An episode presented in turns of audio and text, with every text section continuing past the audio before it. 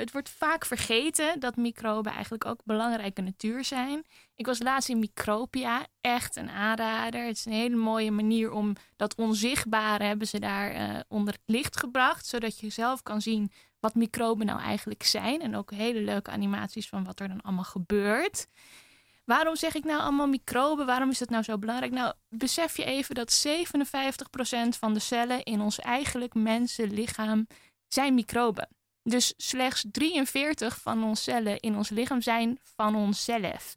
Oftewel, wij zijn een soort van wandelende microbenzak.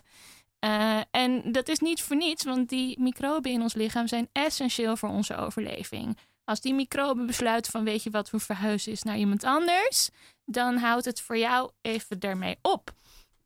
Uh, we hadden het net al even over de Norrit, ook weer een mooi bruggetje, want uh, die darmflora is, dat is eigenlijk voornamelijk microben. En verschillende darmflora blijken ook super invloedrijk te zijn op jouw gezondheid. we hebben het heel veel over de gluten tegenwoordig. Nou, er is een echte glutenintolerantie. Dat komt door je darmflora. Uh, die heeft daar veel mee te maken. Lactose-intolerantie, ook een, een veel voorkomend verhaal als we het nu weer hebben over de havermelk. Dat is ook weer met microben te maken. Sterker nog, er zijn nu studies gedaan waardoor allergieën gelinkt worden aan niet-diverse darmflora. Dus alle allergieën, ook hooikoorts en dergelijke, daar zien ze een correlatie met wat voor darmflora die mensen hebben. Oftewel, gooi je baby lekker in de modder, want daar zitten dus heel veel microben. En daardoor krijg je weer een diversere darmflora, wat dus weer heel gunstig is voor je gezondheid. Het gaat ook eigenlijk een beetje in tegen de hygiënische levensstijl die we tegenwoordig allemaal aanhouden, waar alles maar heel schoon moet zijn en we alle prachtige uh, flora vernietigen.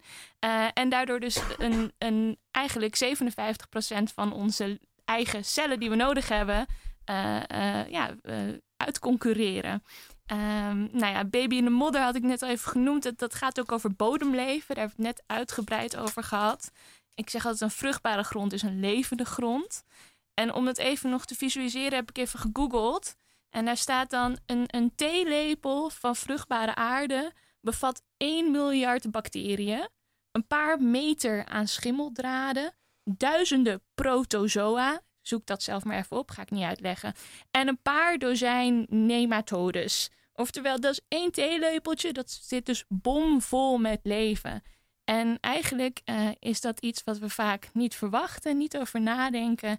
En daarom ook vaak keuzes maken die best wel desastreus kunnen zijn voor, voor onze eigen gezondheid en de gezondheid van de planeet. We hebben veel aandacht voor landbouw. Hè. De boeren zijn weer het Malieveld opgegaan. Uh, de vraag is even hoeveel microben hebben zij met die actie wel niet vernietigd, wat uiteindelijk weer de landbouw uh, niet ten gunste komt. Bestuivers zoals bijen krijgen heel veel aandacht, maar zonder bodemleven groeit er niets. Dus het is leuk dat we heel goed zorgen voor de bestuivers, maar zonder die vruchtbare bodem maakt het niet uit of je bestuivers hebt of niet, want er komt niks uit de grond. Oftewel, deze natuur is niet alleen onverwacht, maar ondergewaardeerd en ongelooflijk machtig. Dus ik hoop dat na dit verhaal, de volgende keer dat jullie Beyoncé horen met de vraag Who run the world? Dat je dan denkt, microben.